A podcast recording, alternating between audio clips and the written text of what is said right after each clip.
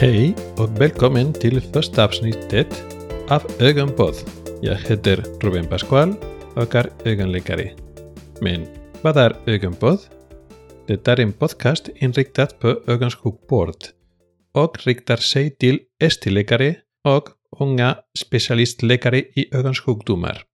Sýftet með þetta projekt er svo að ég præstíks kunnskap, gæðir og triks till ögonläkare och ST-läkare. Vi kommer att förklara olika begrepp om ögonsjukdomar, undersökning, differentialdiagnoser och så vidare. Saker som ofta inte finns i böcker eller inte förklaras för dig i föreläsningar. Vi kommer att ge en mycket mer praktisk synvinkel. Vi ska försöka besvara och lösa vanliga problem som stilläkaren op de uina ögonläkaren möter på akuten, huren och mottagning. Underläkare, optiker, sjuksköterskor och undersjuksköterskor kan också dra nytta av kunskapen och tips i denna podd. Avsnitten kommer att vara månadsvis. Du kan lyssna på dem på samma sätt som vilken annan podd som helst, till exempel via plattformar som Spotify, Google Podcast eller Apple Podcast. Du kan också använda med konkreta podcastappar, det vill säga Podcast Addict, Overcast, Pocketcast och så vidare.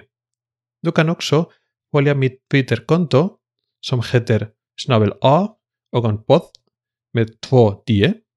Där får du länkarna för att lyssna på avsnitten när de ges ut. Du kommer även att kunna ställa frågor, kommentera och föreslå ämnen för framtida avsnitt. Okej, okay, vi har redan pratat lite om podden. Men hur är det med mig? Jag blev ögonläkare sedan länge. Jag gjorde min STU-utbildning och har tillbringat större delen av mitt yrkesliv i Spanien.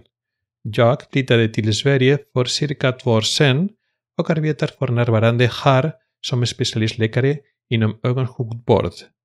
Jag har en annan podd på spanska som handlar också om oftalmologi sedan mer än fem år och tycker att det skulle vara intressant och användbar att skapa en sådan på svenska. Och efter denna introduktion börjar vi med dagens ämne.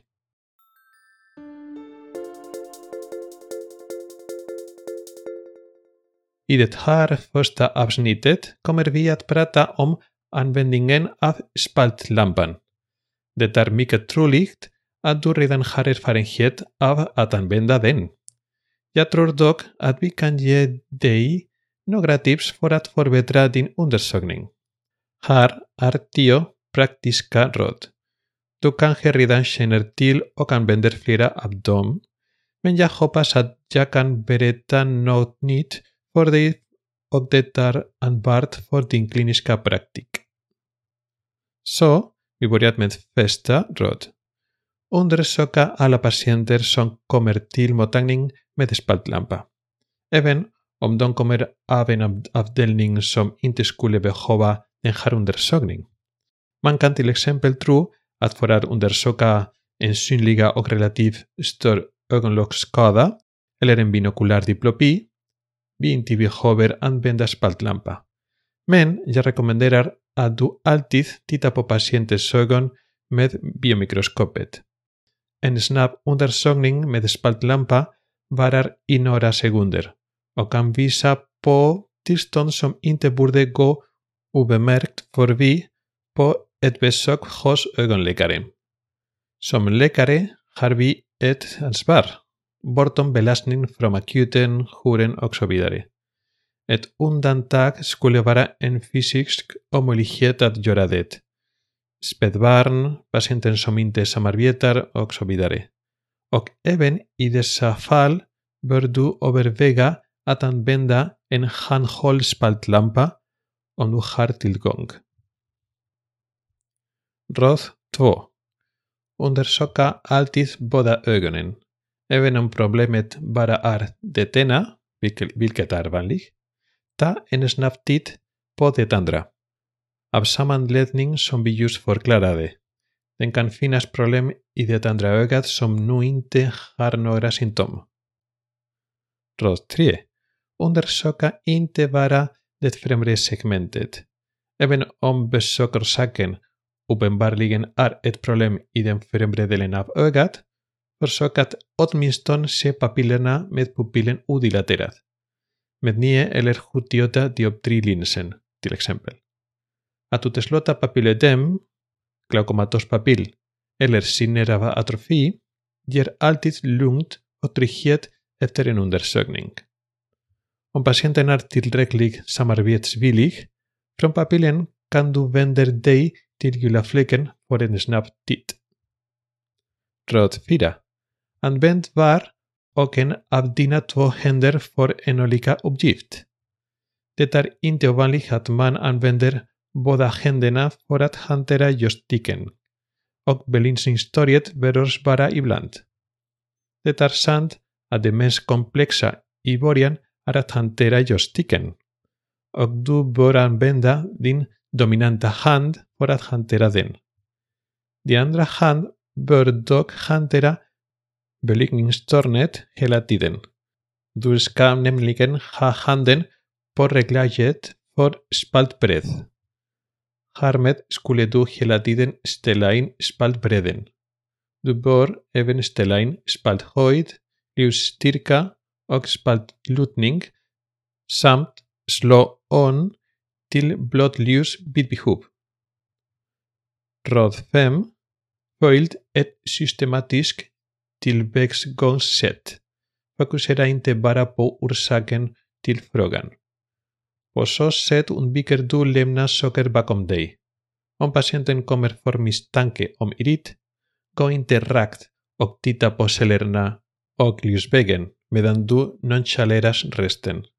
En vanlig systematik är att gå från utsidan till insidan.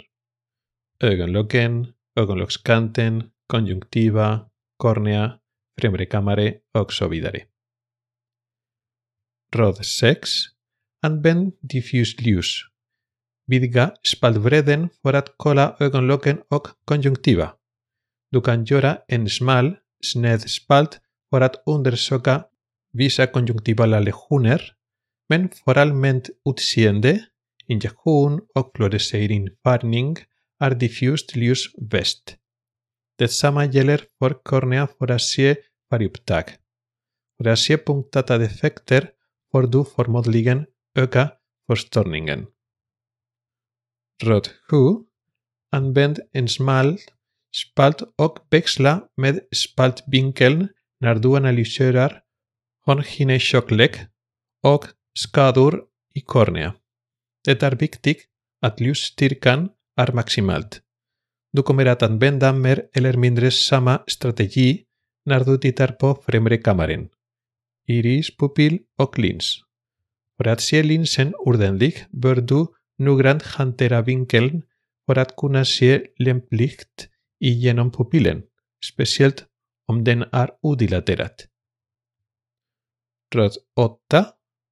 Fortsätt använda maximalt ljusstyrka för att se så mycket detaljer som möjligt, inte bara på kornea. En punktata färgtag kanske inte ses ordentligt i dålig belysning. Det samma gäller för pseudoexfoliationer och många andra fynd. Det händer samma sak för retroillumination, både från näthinna och iris. Om du till exempel vill se en gutata, max ljusstyrka på både direktljus och irisretroillumination krävs förutom hög förstörning. Ros 9. I främre kammaren för att se cellerna och ljusvägen, måste du öka förstörningen. Och som vi nyss sa, hålla ljusstyrkan på maximalt. Du bör minska spalthöjden ganska mycket och öka dess bredd något, så att du får en fyrkant. Att fokusera på främre kammaren kan vara utmanande i början. Och röst 10. För att undersöka ögonbotten med 90, 78 eller 60 dioptrilinsen kan du minska ljusstyrkan och spalthöjden. Det minskar patientens ljuskänslighet och förbättrar samverkan. Alltså, kommer ögat att bli stillare. Och om pupillen inte är dilaterad kommer du bättre att kontrollera myosen som du inducerar med ljuset och det blir lättare för dig att se igenom pupillen. Så, okej. Okay. Detta har varit dagens 10 tips för att använda spaltlampan. Det var allt för idag.